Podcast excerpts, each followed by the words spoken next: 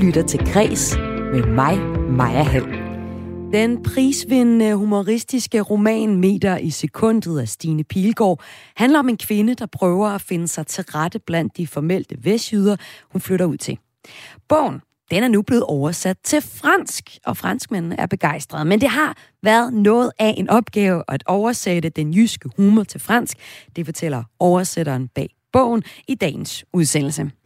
En udsendelse, der også skal handle om, at en af dem, der var med til at genopleve garagerock-genren tilbage i midten af nullerne, da han var sammen med sin daværende hustru, bragede igennem med White Stripes, nu udkommer med et nyt album.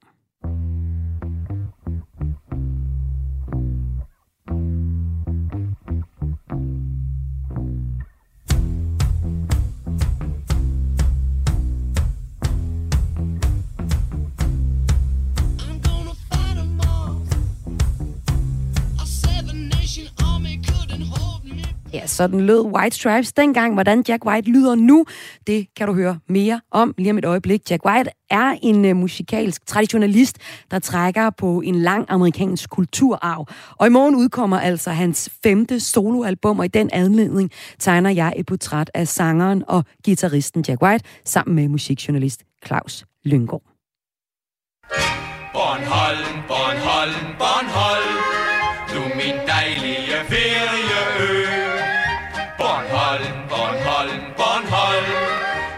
Året er 2155, og Bornholm er gået fra at være en rolig ø i Østersøen til en dystopisk bystat. Sådan lyder noget af handlingen til den nye australske, det nye australske computerspil Born Punk, der foregår på Klippeøen. Men hvorfor vælger en australsk spilproducent Bornholm til en fremtidsdystopi? Og der er faktisk noget mystik at finde på øen, og det ser jeg nærmere på senere i udsendelsen. Jeg hedder Maja Hall. Velkommen til Kres.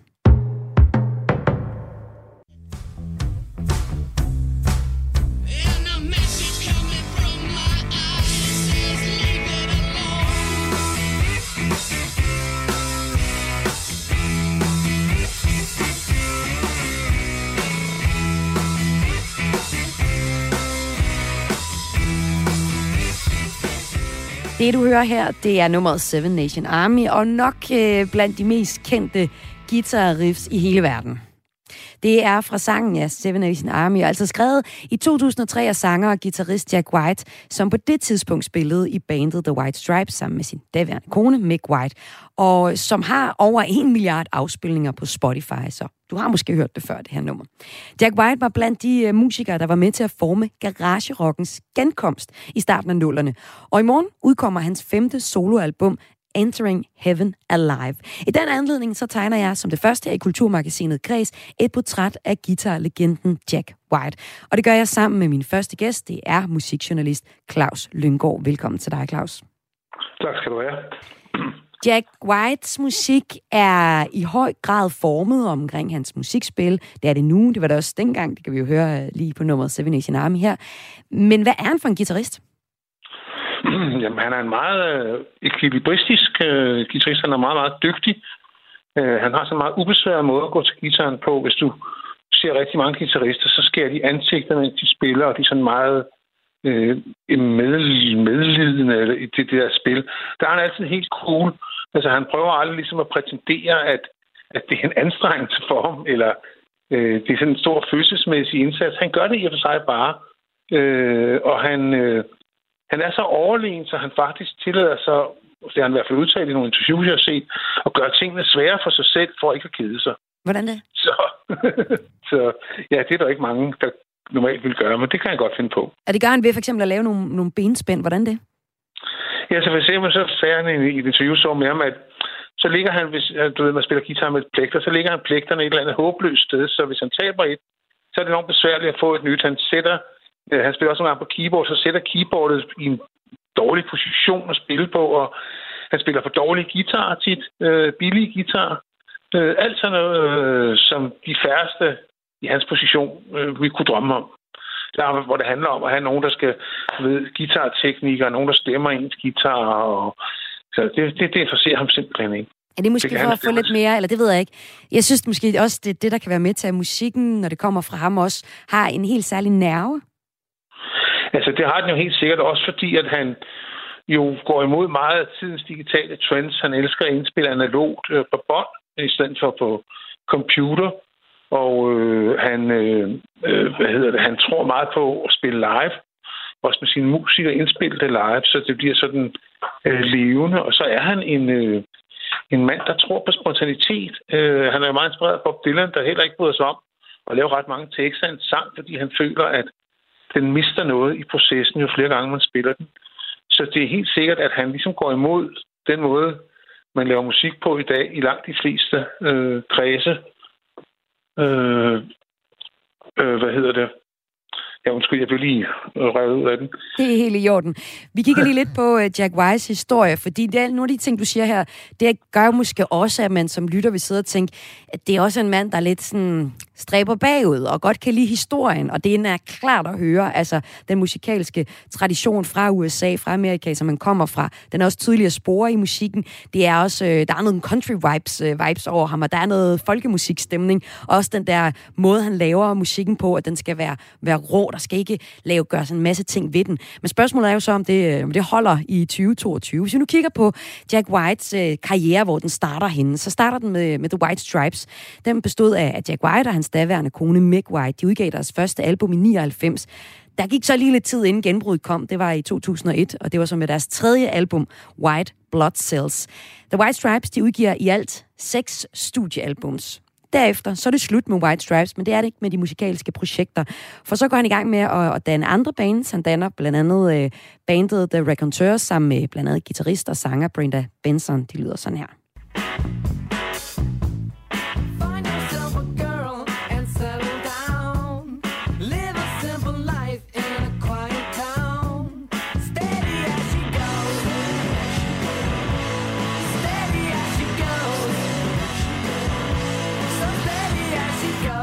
Var det nummeret Steady As It Goes. Nogenlunde sidenløbende med The Reconteurs, så er han også øh, med til at danne bandet The Dead Weather, hvor han spiller trommer. Og så i 2012, så er han klar til at stå alene. Der udgiver han sit første soloalbum, Blunder Bus. Og i morgen, så kommer hans femte soloalbum, Entering Heaven Alive. Og det lyder sådan her på singlen If I Die Tomorrow. peace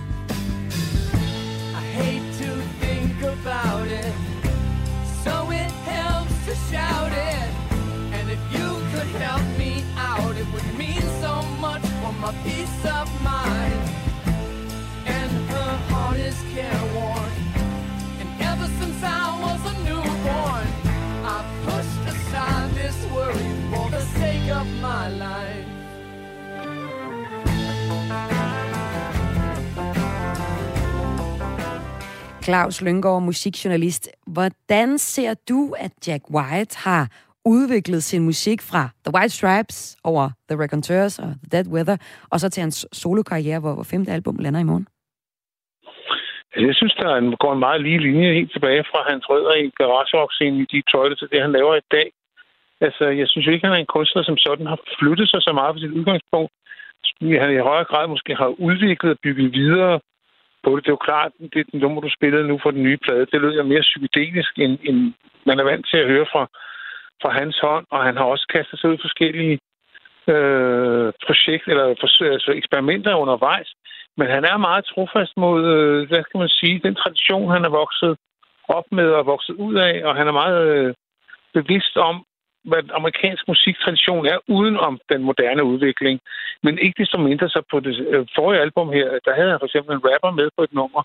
Han har lavet en single med Alicia Keys til James Bond-film. Øh, så det er ikke sådan, han har produceret country-stjernen Loretta Lynn. Så det er ikke, fordi han er bange for at, øh, er bange for at eksperimentere. Han, øh, øh, jeg flytter mig lige. Jeg bliver simpelthen hele tiden slået af den. Det er bare helt i orden. Jeg har Claus ja. Lyngård, der er musikjournalist med, og det har jeg, fordi at vi er ved at tale om uh, Jack Wise femte soloalbum, Entering Heaven Alive, som udkommer i morgen. Og uh, det er jo det sommerlandet, man ringer ud til her på Radio 4, når man ringer i u 29, og det er vist også det, som uh, Claus Lyngård er, er ramt af nu. Men Claus, et sidste spørgsmål til dig. Hvis man uh, som lytter ikke lige kender andet fra øh, Jack White, en, øh, en nummer, jeg spillede indledningsvis, Seven Nation Army. Øh, hvor mener du så, man skal starte med at, at lytte til Jack White for at få det bedste fra hans hånd?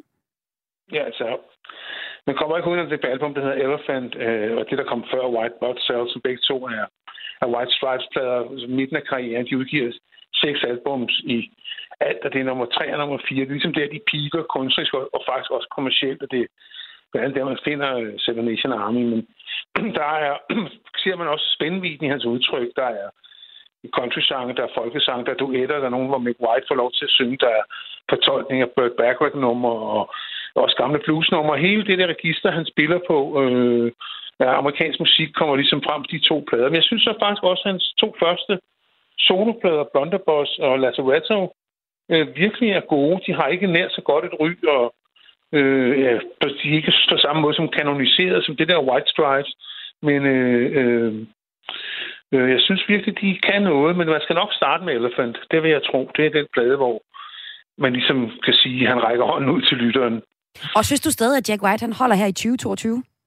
Altså, jeg kan stadig godt lide at lytte til ham.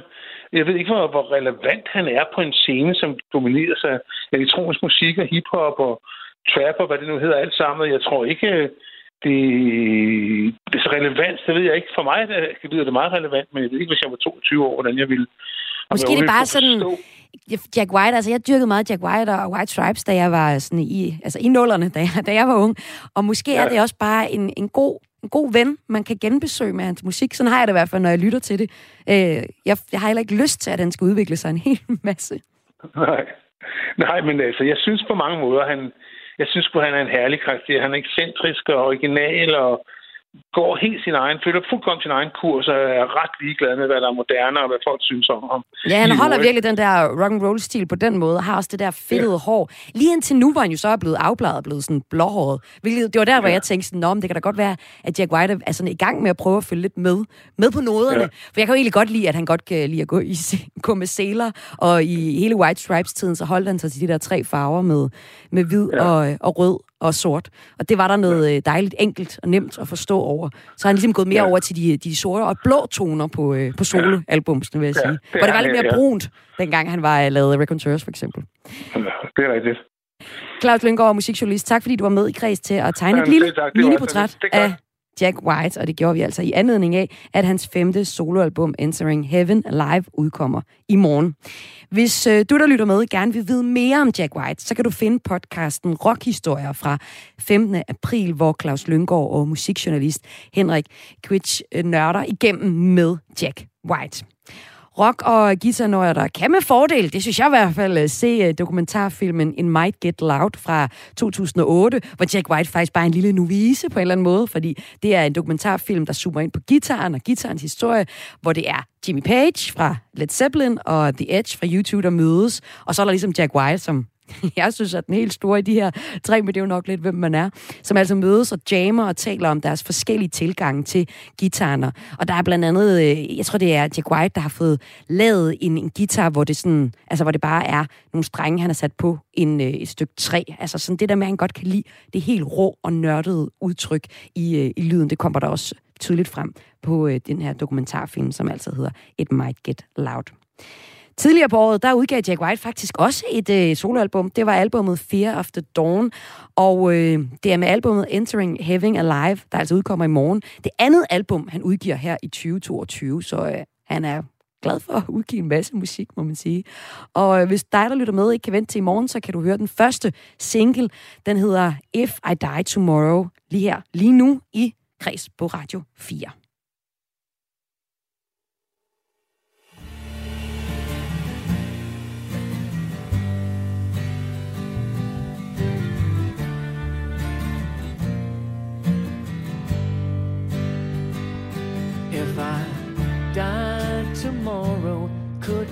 Find it in your heart to sing? If my mother cries in sorrow, will you help her with the many things that she needs from time to time and day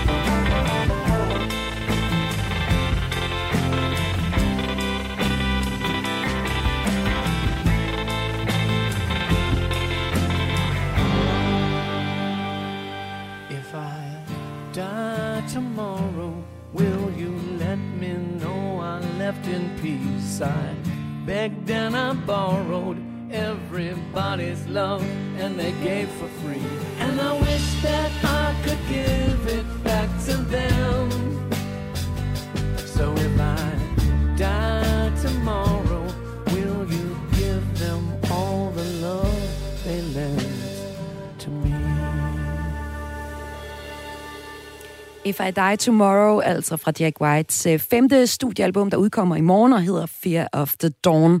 Om et øjeblik her i Kulturmagasinet Kreds, der skal det handle om et australsk computerspil, der foregår på Bornholm. Og hvorfor det gør det, det kan du høre mere om senere i udsendelsen altså. Men allerførst så skal vi øh, se på en bestseller, humoristisk roman, som er blevet oversat fra dansk til fransk, og også hitter på fransk. Du lytter til Græs med mig, Maja Hall. Stine Pilgaards bestsellerroman Meter i sekundet, der foregår i Vestjylland, er udkommet på fransk. Den begejstrer i det franske og får blandt andet positive anmeldelser med på vejen i det store franske dagblad Le Monde, hvor øh, anmelderen mener, at det er en rigtig page-turner. Til dig, der måske ikke lige har fået øh, læst bogen endnu, så handler den om en ung kvinde, der forsøger at finde sig til rette i Vestjylland, da hendes øh, kæreste får et job som underviser på en højskole. Og øh, den bog er altså blevet oversat til fransk, og det er den af dig, Catherine Renault. Velkommen til dig. Hej, tak. Du er fra Frankrig, men øh, har også været i øh, Vestjylland, hvor din far har under, undervist i, i fransk på øh, et vestjysk gymnasium i byen. Og du oversætter altså øh, forskellige øh, bøger også øh, fra andre nordiske sprog til fransk. Og øh, du har omkring 60 bøger fra, øh, fra svensk til fransk og fra dansk til fransk. Vi skal tale om, hvordan det har været at oversætte lige præcis den her roman, Meter i sekundet, der rummer så meget humor til fransk, og om det der med at oversætte dansk humor i det hele taget. Men jeg vil godt tænke mig at høre dig sådan, hvad er dit eget forhold til bogen? Altså, selvfølgelig, jeg, jeg blev født i Tarm, så for mig er uh, meter i sekundet er noget meget specielt. det skal jeg sige. Um, kan du genkende og, bogens øh, sådan, øh, måde at joke med jyderne på, og den der formelthed? Ja, det, det gjorde jeg faktisk. Så jeg, jeg blev rigtig, rigtig glad at få mulighed at uh, oversætte den, ikke? Det var en rigtig fornøjelse for mig. Ja, hvordan har det været at oversætte den? Um, ja, jeg skal ikke lyve, det var lidt svært. ja. uh, ja, for, for, fordi øhm, for det første er det forskellige læsningslag. Det, altså det er meget hverdagslige passager, men det er den der brevkasse, og så er de der sangene, som jeg skulle også oversætte, så du skulle se mig synge teksten på fransk, så det lyder rigtig i takt med musikken, ikke? Så det var, øh, og så det var også meget mærkelig grammatisk, altså med, du ved, at fransk er mere grammatikalt bygget, så det er, og her har vi ingen dialogcitat og ingen afsnit, ingen, næsten ingen spørgsmålstegn, så det, for fransk det er meget mærkeligt. Så ja, det har været en hel del at, uh, at tænke over med den der bog. Ja, og det er for eksempel noget af det, dialogen er bygget på i bogen, som du netop siger, er delt op i sådan, der er et, et, et brevkassesegment, der er en historie, og så er der også de her sange, der bliver, der bliver skrevet og er i bogen også. Så, så er der det der med, at, øh, at dialogerne er lidt korte, og det er jo også det navnet, den har fået på fransk, der hedder den De Korte Sætningers øh, Land. Og noget af det, du synes har været særlig svært for dig at oversætte fra dansk til fransk, det er, det er humoren. Hvorfor er det så svært at oversætte dansk humor til fransk? Altså, jeg tror, at øh, som oversætter kan jeg sige, at det er svært at oversætte humor fra, hva, altså, hvilket land til hvilke andre land. Altså, det, det er en af de sværeste ting at oversætte, ikke? Øh, men øh, ja, det, det var en udfordring at, at, kunne, at kunne få den der bog at være meget morsomt, og jeg tror, det lykkedes, fordi det er en af de ting, som, som kommer i, i de flere anmeldelser, at det, det er sjovt at læse, så, så så måske har jeg gjort det okay. det tror jeg, at du har, Katarina. Og øh, du har så lovet, eller du har fundet et par eksempler, hvor, hvor det har været særlig svært at oversætte humoren fra dansk til fransk. Der er blandt andet et eksempel, der handler om Herning. Nu læser jeg lidt op fra bogen, det er fra side 153. Øh, en del, som vores øh, hovedperson i metersekundet skal, det er, at hun vil gerne tage et kørekort. Det bøvler hun en lille smule med, mildest talt. Men øh, hendes kørelærer Mona har altså fået hende til, øh, til Herning, og, øh, og der skal hun så øh, køre rundt. Og det, jeg læser op fra her, det er så en, øh, en presset situation, hvor hun er i, øh, i Herning og øver sig i at køre. Vi repeterer venstre sving, og Herning for langsom tag i mig. Jeg viner, som sad jeg i en livsfarlig rusjebane. Gas! råber Mona, og cyklisterne sviger rundt som irriterende insekter. Svingbanerne er fyldte, og fodgængerne dukker op i de blå. Og så kommer det svære her. Herning er en hoppende, rullende garn, væg til væg, våd og villig. Det er Danmarks Dubai. Det er Danmarks Dubai, bare belæsset med bacon, buffeter, brede som boulevarder, truttende trompeter i den trætte trafik. Det er jo nærmest poetisk, det her, ikke med noget bogstavrim og sager. Men hvad er det, der er så svært ved at oversætte lige præcis den her passage, Katrine? Altså, øh, for det første, så er det næsten ingen franskmænd, som ved, hvor Herning ligger, eller, ja, det er eller hvad det er for en by, selvfølgelig. Ja. Uh, så, så de har slet ingen idé om, hvad, hvad det har med rullegarn at, at gøre. Ja, det har jeg da faktisk uh, heller ikke helt. Men hvad, hvad, hvad gør man så som oversætter, for at få den kontekst ja. med, eller dropper man det bare? Altså, jeg har, jeg har prøvet at gøre det lidt nemmere, altså væg til væg for eksempel er borte. Um, og så i stedet har jeg vaniteuse et avide de sensation. Det, det betyder forfængelig og sensationshungrig, måske, for ah. at bevare lydene i V fordi det er en meget poetisk uh, uh, sætning, ikke? Mm. Og, uh, og som forklarer lidt mere uh, våd og villig på en måde, i forbindelse med resten af sætningen. Ja. Så man tager ligesom det, der kan oversættes, og så må noget simpelthen ryge ud. ja, ja. Nem, nemlig. Ja, ja. Og vi har også et andet eksempel, det er fra side 133 i meter sekundet. Der er vi igen ude og, øh, og køre bil, og øh, der er der en samtale mellem vores hovedperson og Mona igen, som er hendes øh, øh, kørelærer. Og, øh, og Mona taler, som man gør i Vestjylland. Hun taler sådan i, i korte sætninger, og, øh, og måske afslutter hun heller ikke helt sætningerne. Her er hun i, i gang med, at, eller, eller vores hovedperson har bedt øh, Mona om at fortælle om sin øh, kæreste, eller fortælle noget om sig selv. Hendes kæreste er børnetandlæge i Rendum og går meget op i mundhygiejne. Morgen og aften kører han særligt konstruerede plastiktandstikker rundt og rundt i munden, og bagefter er det tandtråd i to gange to minutter. Alle rugbrødskrummerne skal ud, siger Mona. Riskorn, kødrester, kernen fra et hindbær. Og bagefter er det tid til centium. Jeg hader centium, siger jeg. Ingen skum, ingen små stenhårde eksplosioner mod ganen, bare en tynd, hvid væske i munden. Nemlig, siger Mona, der også er Colgate-pige. Hvordan er han ellers, spørger jeg. Livet af landevejen, siger Mona. Der er ikke noget der. Noget hvad? siger jeg. Pis, siger Mona. Hvad er det, der er svært ved det her, Katrine? ja, det er det, som er ikke svært med det der. øhm, det, altså, det er jo korte sætninger, og i Frankrig har man ikke så mange korte sætninger. Nej, det er noget bøvl at lære det sprog. Det er, man kan simpelthen blive så forvirret over, hvad det egentlig er, man vil sige med alle de indskudte sætninger. Ja, altså jeg, jeg, jeg må sige, at for den der passage har jeg spurgt selve Stine for, Pilgaard for at være helt sikkert, om jeg har forstået selv det ja, hele. Ikke? Ja. Uh, og, det, og det var det, som jeg frygtede, at det er flere, der er flere ting i den der passage, så det, det, det er små udtryk, men som siger en hel del. Så, så jeg blev nødt til at droppe en, en del af meninger, som findes i den. Men alligevel, jeg har prøvet at gøre det, um, hvordan skal jeg sige det, um, at, øh, at, øh, at finde ud af noget måske nært og morsomt alligevel, som god eksempel på disse korte, øh, korte sætninger, som driver fortælleren til vanvid. Så jeg har prøvet at finde noget udtryk på fransk, som har med landevej også at gøre. Um, som for, for, for dem af, af jer, som forstår fransk, så lyder det sådan. Uh, comment est-il sinon, je demande, aussi prévisible qu'une route sans tournant, lance Mona. C'est-à-dire, j'insiste, elle répond, circuler, il n'y a rien à voir.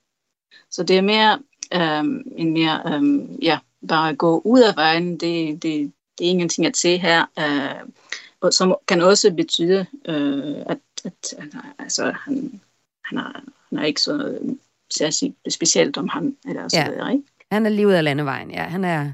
Han er på ja. den måde. Ja.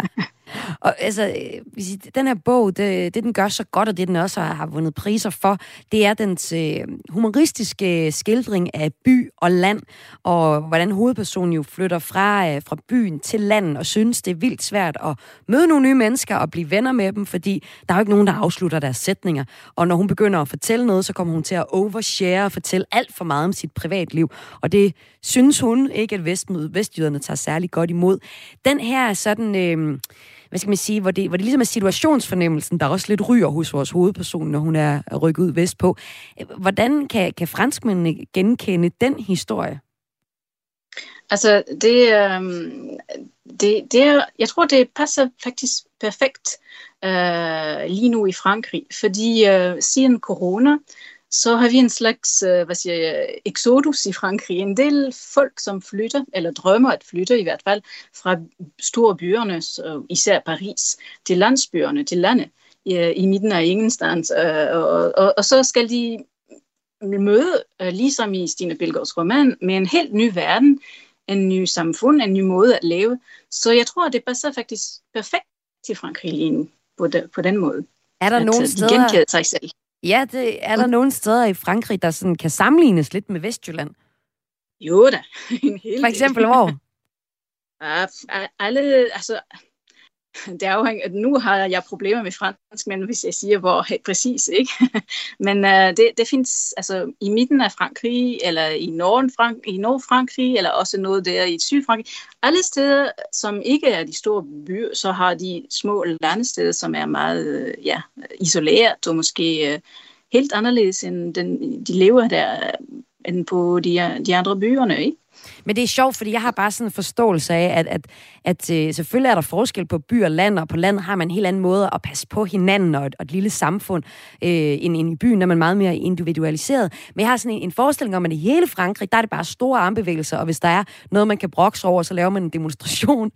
så det, det hænger slet ikke sammen med mig, når, når, når vi så sådan ligesom fortæller om Vestjylland og de korte sætninger, og at man ligesom har også det der øh, store for, sådan, forsørgergen for, sin, for sit hele øh, lille sted, og der skal, ikke, der skal ikke komme nogen udefra at tro, at de ved noget om noget som helst, fordi man har altså styr på det øh, ude på landet, hvor man kommer fra. Jeg kommer selv fra landet også. Men, men det går altså også igen. Det er måske en universel ting. Det er måske slet ikke sådan en, en, en unik landby-ting, øh, der er i Danmark. Den er også i Frankrig.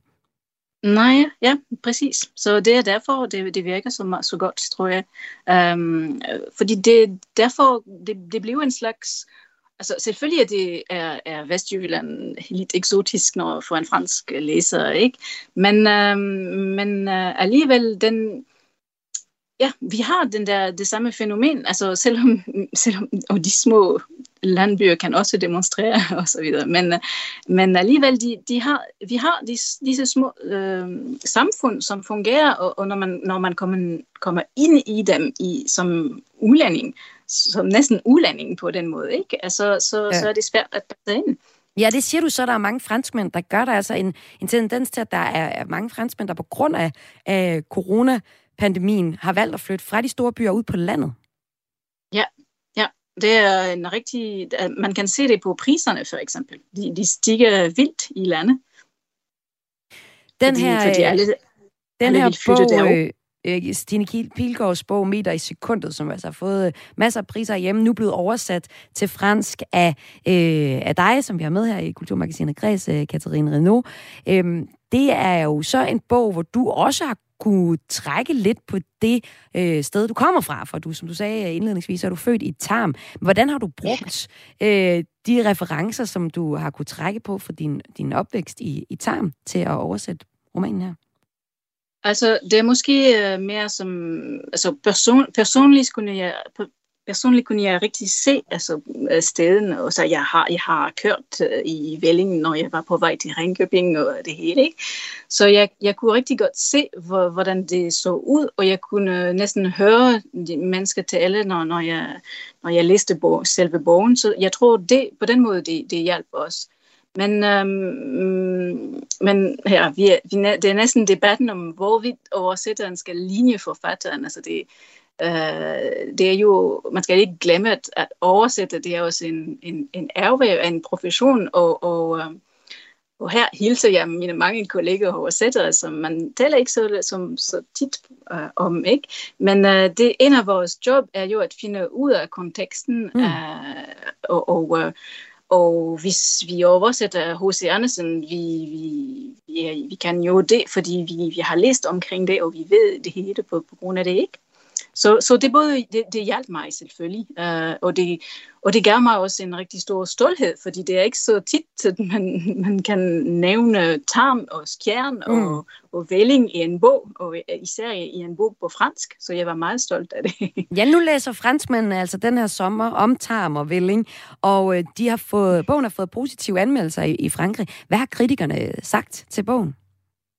De er rigtig flotte anmeldelser. Hele, altså, det var i Le Monde, det var i Le Canard Enchaîné, i France Inter på radio. Det, det er utroligt. Altså, øh, når France Inter har sagt, at det var en af sommerens bedste læsning, fordi de synes, det er meget morsomt, og det er filosofisk, og så tænkevækkende, og lidt eksotisk, og ja, de, de elsker den. Altså alle de der uh, an, an, anmeldelser, jeg har læst uh, eller hørt, så, så var de rigtig gode. Jeg er meget glad for det.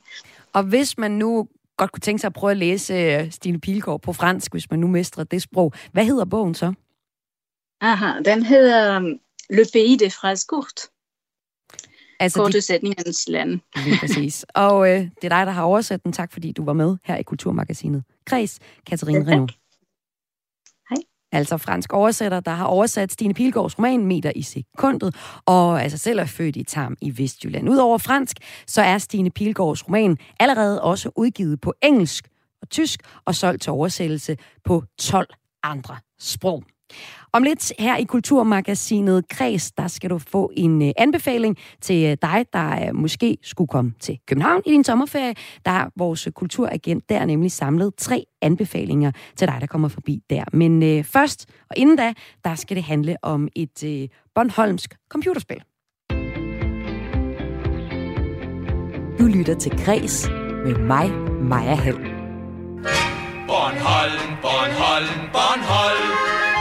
Min dejlige ferieø Bornholm, Bornholm, Bornholm Ved den herlige Østersø Mit Bornholm, dine piger er så Ja, Bornholm, Krøllebølleis, Folkemøde, vores allesammens solskynsø. I dag en malerisk ø i Østersøen, men i år 2155 en vidtstrakt metropol, der konkurrerer med store verdensmagter the trials.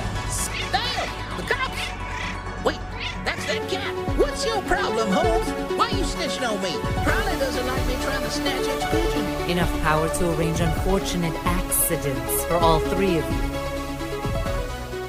Sådan her lyder traileren til det nye australske computerspil Born Punk, der foregår på Bornholm ikke lige et geografisk sted med de store spilproducenter normalt slår også en spil tilpælen ned i. Men det har de gjort denne gang, og øh, vi skal nu finde ud af, hvorfor og hvad der er at hente på Bornholm, hvis man skal lave et computerspil. Og til at tale med mig om det, der har jeg inviteret Claus Thorsen ind. Velkommen til dig, Claus. Jo, tak skal du have. Du jeg er... her fra middelalderen. Ja, du ringer fra middelalderen jo. Du sidder i øh, middelalderundertøj og i, og sveder, går jeg ud fra. Hvordan kan det være, du gør ja, det? det er sådan 29 grader varm i uldtøj. Hvordan kan det være, du har det, det på, Claus? Det er varmt.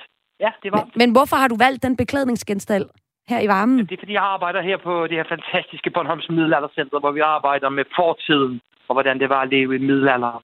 Okay, og du er altså i gang med at leve middelalderen lige nu? Ja, jeg lever middelalder på fuld tryk lige nu. Vi skyder med kanoner, og vi skyder med pilebuer, og vi slår sølvmønter og drikker øl. Og, ja, Jamen, og allerede de der ting. 29. Ja, Ja, det, det lyder ja. som nogle ting og nogle elementer, man godt kunne putte ind i et computerspil, og det er det, vi skal tale om nu. Du er ja. Nemlig til hverdag, og også lige nu, øh, historisk formidler på Bornholms Middelaldercenter, jo altså Ja. også Jo. Allerhøjeste Bornholmer. Ja. Øh, det her computerspil, det er et, et sci-fi spil, og sådan cyberpunk hedder det spil, hvor man skal løse mysterier. Jeg skulle nu egentlig også nu have haft øh, spilnørd og specialkonsulent hos Center for Digital Pædagogik, Christian Mogensen, med. Han har nemlig spillet spillet, og øh, så han er så desværre blevet forhindret, men han har fortalt lidt om spillet inden da. Han fortæller, at det er meget sjældent, at spilverdenen tager fat i Danmark, som et sted øh, spil skal foregå. Øh, han kan faktisk kun komme på et, et enkelt spil, der hedder A- A- Assassin's Creed, et spil med vikinger, men øh, det foregår egentlig bare i nordiske lande, og ikke sådan specifikt dansk. Born Punk har jo så altså kastet kærligheden ikke bare på Danmark, men på Bornholm. Den er lavet af et, et australsk spilstudie, der hedder Insert This, Disc, øh, 22, hvis grundlægger så også er blevet videt på Bornholm, og det kan være det er derfor, at øh, han har valgt stedet, som øh, spillet foregår, altså valgt Bornholm. Øh, vi har også prøvet at få fat i spilstudiet, de har ikke fået vendt tilbage, vi ved ikke hvorfor. Men det kan vi jo gætte lidt på nu sammen med dig, øh, Claus Thorsen. Hvilket indtryk håber du, at spillerne får af Bornholm, når de sætter sig til at spille Born Punk? Ja, det er et rigtig godt spørgsmål. Jeg kender ikke noget til computer fra den verden, jeg kommer fra. Vi har ikke computer i middelalder. Men jeg håber, at det vil give noget, øh, noget blikfang omkring Bornholm, noget opmærksomhed omkring Bornholm. Noget, øh, noget sådan, hvor folk de tænker, okay, der er noget, der hedder Bornholm ude i verden. Der Ja, har vi vi skal så for. prøve at komme... Ja, det har I brug for, siger du. Øh, Ja, altså, jeg ja. tænker jo da egentlig, der er godt med feriegæster lige nu på Bornholm, er der Jo, jo. det? Jo, jo, det Jo, er jo, der. men om, om vinteren er der ikke så mange mennesker. Der skal vi have nogle Øh. australier afsted. Hvis vi nu skulle sådan se på nogle gode plots fra Bornholm, man kunne putte ind i et computerspil, hvad kunne det så være, Claus Thorsen? Det kan være noget med, at vi har jo, i middelalderen havde man en meget stor troldeverden. Ja. Hvor man, hvor man dyrkede trolde og troede på trolde, og var helt sikker på, at der fandtes trolde, og gav dem øl, fordi de skulle være søde, og gav dem grød, fordi de skulle være søde, og plisede troldene, så man kunne leve i en, i en samverden med den her troldeverden. Det kunne jeg godt forestille mig kunne være fedt at få ind i et computerspil. Ja, for når vi kigger på computerspil, som vi jo er ret gode til at lave i, i Danmark, så er det tit der med, at vi har en, en hovedkarakter, som øh, er ude på en mission, og øh, vedkommende må godt både være ond og god. Altså, der må godt være Ja. noget ondskab i det, og det lyder som om, at de her trolde har lidt den der dualisme. Ja, de har begge dele jo, fordi Ja. hvis, hvis man giver dem det, de vil have, så er de søde. Ja. Men, men hvis man ikke giver dem det, de vil have, det er ofte øl. Det handler meget om øl. ja. Okay, vi er i gang med en plot her. Der er noget med en, en trold på en mission, og, øh, og, Ja. vi, og den skal ligesom, vi skal sørge for at give den øl under hele Ja. missionen. Er der nogle, Ja. nogle særlig interessante historier, som man kunne bygge et, et computerspil plot op Ja. omkring? Altså, der er jo nogle historier om, om nogle sure troldkvinder fra Sydsverige, Ja. Som har kylet nogle kæmpe sten mod Bornholm, mod kirkeklokkernes lyde. Mm-hmm. Hvorfor? Fordi trolde kan ikke lide kirkeklokker. Okay. Øh, det Så begynder vi at have en god storyline nu, tænker jeg. Det, Ja. det hele, altså, det, det, vi har ligesom øh, kirken som, som, den, som det, man gerne vil af med i, den her, øh, i, den her, i det her spil. I, I hvert fald lyden fra hvad? Ja, kirkeklokken. lyden. Ja. Ja. Men de er ikke, altså, troldene er ikke trætte af kirken som institution, det er bare lyden af klokkerne, eller hvad? Nej, men trolde og kirke hører ikke så godt sammen. Nej. Det er stadigvæk noget af underverdenen. Det er noget af det der folkeliv. Det er noget af det, man fortalte ud i husene, før der kom Søren Ryge på fjernsyn. Ja, okay, klart. Det er jo faktisk meget sjovt, for nu taler jeg med spilnørd Christian Mogensen, øh, det har vi gjort her på, på Kulturmagasinet Kreds inden, som altså har spillet det her spil. Og han siger, at det er ret unikt, at det lige er Bornholm, der er omdrejningspunktet i den her nye spil. Ja. Born Punk. Øh, fordi ja. Ellers så er Danmark lidt for meget lev på steg og lidt for mange frikadeller til spilproducenterne. Ja. Ja. Det er ikke så eksotisk. Men, Øh... Nej, men så øh, kan man godt sige, at Bornholm er jo, altså Bornholm er jo ikke, altså Bornholm er jo specielt. ja, hvordan er det det? Vi har jo, vi har, jo- vi har jo klipper, og vi har en fantastisk natur, og, og vi har også en fantastisk fortid, før øh, at jeg blev sat her på jorden. Altså, vores vikingetid og jernalder på Bornholm er jo helt unik. Altså, så, så på den måde, så, så, så, så, så, så udskiller vi os lidt i forhold til Danmark, synes jeg. Og vores dialekt jo, vi snakker over Bornholmsk jo. Det er rigtigt. Det er helt eksotisk. Det, er, det kunne faktisk Ja. godt være, at, historien i spillet skulle sådan være... Altså, Bornholm sådan måske mod resten af Danmark. Der kunne også måske være en Ja. spændende konflikt. Er der nogle Ja. ja. andre savnvæsener i resten af Danmark, der konflikter lidt med, med troldene? Øh, altså i øh, resten af fastlandet? Ja. Ja, det ved jeg ikke, om der er, men, øh, men, øh, men, men man havde også andet end trolde. Man troede også på de underjordiske på Bornholm. som Og det er nogle andre folk. end troldene, eller hvad? Ja, det er Ja. lille folk, lille menneskefolk, som lever inde i gravhøjen, og de skal også have øl. De skal Så også de have øl. Ja. ja. Ja, ja, og vi havde også, nogle, vi havde også en savnfigur, som hedder Blodigil, som var en, en vikingekonge. Mhm. som Han lyder fed, han lyder fed. Prøv at fortælle noget mere Ja, om han ham. er fed. Ja, men han passede på Bornholm. Han var ansat her for at passe på Bornholmerne, fordi venderne, de her vendiske stammer ned fra Østtyskland og Polen, de angreb Bornholm i, i sen vikingetid. Og så ansatte man simpelthen blodigil på øen til at passe på Bornholmerne, fordi han var en sindssygt god soldat. Okay, er han Og han- også sådan lidt ond og lidt god? Han var god, med, han var, altså Bornholmerne havde ham som kæmpe helt. Okay. fordi han passede på øen. Ja. Og vi kan se nogle af skattefundene, at lige så snart han forsvinder, så går det galt herover, fordi så mangler man den der beskytter. Jeg vil godt kalde ham for Bornholms beskytter. Blod-Egil. Bornholms Ja. beskytter. Ja. Ja. Jeg synes, øh, vi har fundet nogle rigtig gode karakterer. Jeg tror, jeg vil samle min lille mail og sende øh, videre til, øh, til Australien og spilproducenten. Ja. Det kunne være, at de kunne lave en toer, hvor vi, øh, hvor vi, hvor vi for alvor får nogle øh, soundvæsener med i, øh, i et spil. Ja. Ja. Det Historisk sige, de underjordiske, er, Ja. ja. de underjordiske er nok dem, der har været mest i spil herover. Ja. De her små folk, små folk kalder Ja. man dem Ja. også. Puslingerne kaldte man dem. Ja, de er Ja. også lidt spooky. Og man havde respekt for dem. Ja. Virkelig. Historisk formidler på Bornholms Middelaldercenter. Og fludblodet, flu, fuldblods Bornholmer hedder det, Claus Thorsen. Tusind tak, fordi du var med her i Ja, det Kulturmagasinet. var lidt. Hej. Og jeg havde ringet øh, Claus op, fordi at der er landet et spil, der hedder Born Punk. Det er et spil, der er nogle australske spilproducenter, der har lavet, men øh, spillet foregår på Bornholm af alle steder. Vi har forsøgt at finde ud af, hvorfor, men desværre så er de ikke vendt tilbage endnu. Men øh, som vi kunne høre her, så kunne Claus Thorsten fortælle masser om, at der er mange spændende ting at tage fat i øh, på Bornholm. Ikke kun naturmæssigt, men også øh, i forhold til øh, forskellige soundvæsener, som vi kunne høre om, øh, om her, og også ham her Blod Ejgil, som måske også kunne være nogle karakterer, der kunne være med i en, i en toer, hvis man vil fortsætte med at udvikle spil, der øh, tager udgangspunkt i Bornholm. Nu er der jo i hvert fald kommet en, en første udgave af øh, det her. Og så driller min computer lige en lille smule, men jeg slutter lige af med lidt mere musik. Bornholm, Bornholm, Bornholm. Du min dejlige ferieø. Bornholm, Bornholm, Bornholm. Ved den herlige Østersø Mit Bornholm, dine piger er så kønne. Det sidste, du får her i Kulturmagasinet Kreds, er tre anbefalinger fra Kredses kulturagent i hovedstaden. Det er sådan, at øh, vi har kulturagenter forlet over hele landet, som øh, hver uge finder frem til nogle fede oplevelser i deres nærområde og fortæller om dem her i radioen. Og så her over sommeren, der har kulturagenterne så fundet en lille bunke anbefalinger til dig, som du kan opleve i deres landsdel, hvis du skulle komme på ferie der. I den her uge, så øh, kigger vi nærmere på hovedstaden. Der er jo enormt meget at opleve, og du kan jo også bare gå ind på Visit Danmark eller Visit Copenhagen og finde øh, det lille havfru og andre ting. Men øh, Nina Rasmussen, hun har også fundet frem til tre anbefalinger, som hun synes er særlig must-dos, hvis du kommer forbi København her i sommeren. Min første øh, sommerferieanbefaling til oplevelser i København, det er klart loppemarkeder. Jeg elsker loppemarkeder og har simpelthen gennem tiden fundet så mange gode ting. Øh, og især er der øh, her i nyere tid dukket et loppemarked op, der hedder Det Grønne Loppemarked, øh, som, øh, som har sådan en særlig deltagerskare og også nogle lækre madboder, og der er også altid lige en, en, øh, en spændende debat faktisk. Altså de har virkelig lavet et godt koncept.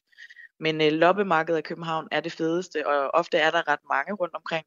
Så øh, hvis man vil gøre et godt fund og også lave øh, bæredygtig shopping, kan man jo sige, og også gøre nogle andre glade, fordi de har jo noget, de, de ikke bruger længere, så, øh, så skal man altså browse rundt. Og øh, man kan finde mange af eventsene på Facebook, og ellers så skal man jo bare gå rundt i byen og, øh, og se, hvor der er et spændende hjørne med noget loppemarked. Nu fremhæver du det grønne loppemarked som en af de loppemarkeder, man kan opleve og man kan tage til. Øh, Hvad gør dem øh, særligt sammenlignet med mange andre loppemarkeder? Jamen det er, at de øh, ligesom har kurateret, at øh, mad og madboder og sådan nogle ting, at der er en særlig profil i forhold til, hvem der får lov til at have de her øh, stande. Og for eksempel har der også været øh, en gang, hvor Peach var med, som er øh, sexlegetøj. Og der har også været en debat, øh, hvor The Red Van var med. Så det her med, at de ligesom har sådan en, en, øh, en profil, som, som også øh, tilbyder noget andet, end bare det her med at komme hen til en lobbystand og, og købe noget. Men at de faktisk også har tænkt i, hvordan kan vi gøre hverdagen øh, bæredygtig, og hvordan kan vi gøre hverdagen bedre. Øh, Sexlegetøj, hvad, hvordan er det? Ja, det kan selvfølgelig gøre hverdagen bedre, men det har ikke noget med en grøn profil yeah. at gøre.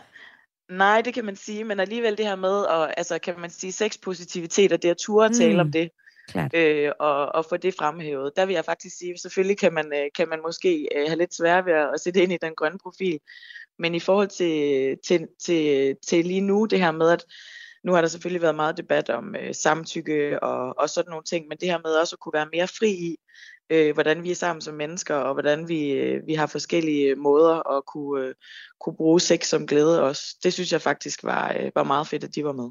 Så din første kulturanbefaling, eller sommerferieanbefaling som kulturagent øh, fra hovedstaden, det er altså at tage på loppemarkedet, og særligt det her, det grønne loppemarked, hvor man kan blive udfordret og inspireret på andre punkter end at finde loppefund. Hvad så med øh, det næste, den næste anbefaling? Hvad er det? Jeg vil tage en tur på Arken og se deres udstilling, der hedder Kvinder i opbrud. Øh, det er en øh, udstilling, som er kurateret og handler om kvinder og køn i kunsten og øh, er tilbage fra 1800-tallet og så op til nutiden. Og det glæder jeg mig rigtig meget til at se, hvad de har valgt at fremhæve og, øh, og sætte sammen omkring det her emne. Er der noget, du særligt glæder dig til at se på, øh, på, ja, på museet til udstillingen? Jamen, det er noget tid siden, jeg har været på Arken, og øh, det er jo sådan en lille togtur også, øh, hvor man øh, tager ud til Ishøj og det er, at øh, jeg har tidligere været rigtig imponeret over deres udstillinger. Så især fordi det er lang tid siden, jeg har været derude, og så fordi jeg synes, at det her tema med kvinder og køn i kunsten, det er øh, rigtig vigtigt. Så derfor glæder jeg mig rigtig meget. Så det er altså din anden øh, kulturanbefaling til noget, man kan opleve øh, i hovedstaden den her sommer. Og hvad så med den sidste? Den er jo faktisk lidt mere... Den kan man også opleve andre steder, men øh, hvad er det sidste, du anbefaler? Det kan man simpelthen, og det er fordi, jeg simpelthen øh, gravede dybt i, jo, okay, sommerferie, hvad er det egentlig for mig, og hvad er det, jeg glæder mig til til sommer? Og øh, det er faktisk at læse en masse bøger. Øh, jeg elsker, øh, når solen skinner, kan man øh, øh, finde en plet øh, i en park eller en bænk, og så øh, sidde og fordybe sig i sin bog, og så samtidig også lige kigge på de mennesker, der kommer forbi. Og hvis nu det bliver en af de mere øh, meget typiske danske sommer, hvor der også er nogle gode regndage, så bliver det selvfølgelig inde i sofaen. Og jeg glæder mig til at have tid til at fordybe mig, så det ikke lige bliver et kapitel hist og pist, men måske faktisk at kunne sluge en hel bog på en dag eller en weekend. Øh, så jeg glæder mig til at læse en masse bøger, og blandt andet er jeg allerede gået i gang med en, som hedder The Transition Baby, som simpelthen er så god. Øh, og jeg har faktisk overvejet faktisk at, at vente med at læse videre i den, så jeg netop kan, kan få den læst færdig i sommerferien, så, jeg kan sluge den i en stor mundfuld. Hvorfor er den så god, den bog? Jamen, den, øh, den handler om øh, transkønnet, der stifter en familie, og alle de perspektiver, der er i det. Øh, og øh, derfor er det et sindssygt vigtigt øh, emne, øh, og også et lidt tabuiseret emne måske for nogen. Og øh, den er skrevet så let og så øh, personligt, øh, og, øh, og i sådan et øh, fantastisk levende sprog. Så det betyder altså, at jeg både får sådan en skønlitterær øh, lækker øh, bisken, samtidig med, at jeg føler, at jeg faktisk bliver opkvalificeret på et, øh, på et emne, som jeg rigtig gerne vil, vil vide mere om og blive bedre til at tale om. Og når det nu er øh, hovedstaden, du kommer fra og anbefaler fra, er der så egentlig nogle steder, du særligt godt kan lide at sidde og læse, øh, når du gør det i byen? Jamen altså, øh, der er blandt andet en park nede i Skydebanehaven, øh, øh, haven, øh, som, øh, som jeg elsker, og det er fordi, det er tæt på mit hjem. Og ellers er Botanisk Have også skønt, fordi man kan finde sådan en rigtig god øh, plet øh, og være rimelig... Øh, rimelig for sig selv. Og så er der to boghandlere, som jeg tit går i, som jeg bliver så inspireret af. Øh, der er en lille boghandel på Tulinsgade, øh, som, øh, som man også kan købe en kop kaffe i. Og så er der så selvfølgelig politikens øh, boghal, som, øh, som bare har alt, øh, og hvor man virkelig kan gå på opdagelse og både finde nogle, nogle værker, man ikke vidste eksisterede, men også ligesom se øh, øh, at deres anbefalinger og bestsellers osv. Så, så det er også steder, det er ikke steder, jeg sidder og læser, men det er steder, hvor jeg finder de bøger, jeg så læser. Jamen, uh, tusind tak for de tre sommerferieanbefalinger. Det var så lidt. Og de tre anbefalinger var altså loppemarkedet, det grønne loppemarked, og du kan finde loppemarkeder i hele landet på markedskalenderen.dk.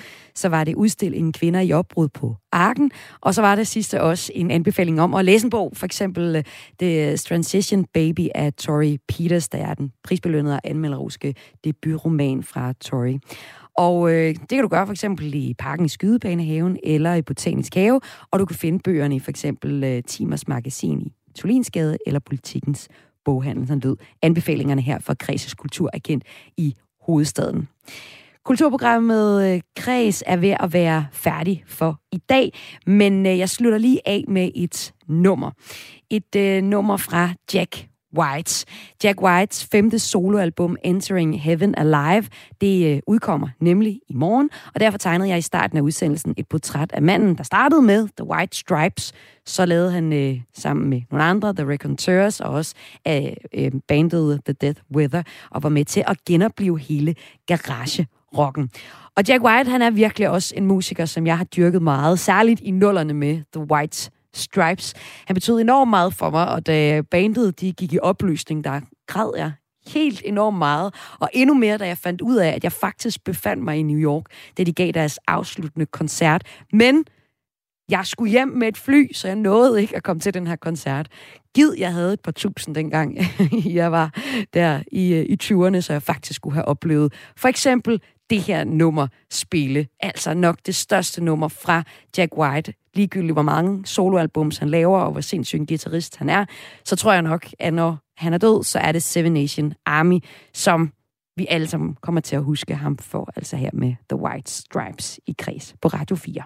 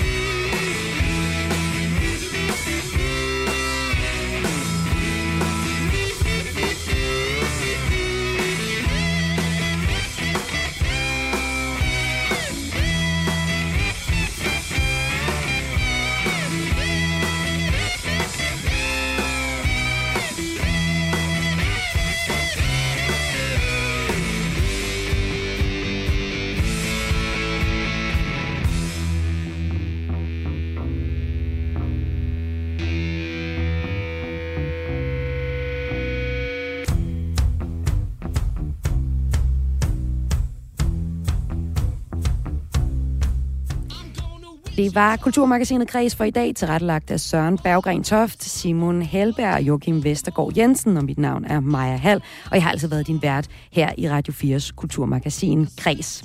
Efter et nyhedsoverblik, så får du eftermiddagsprogrammet Missionen.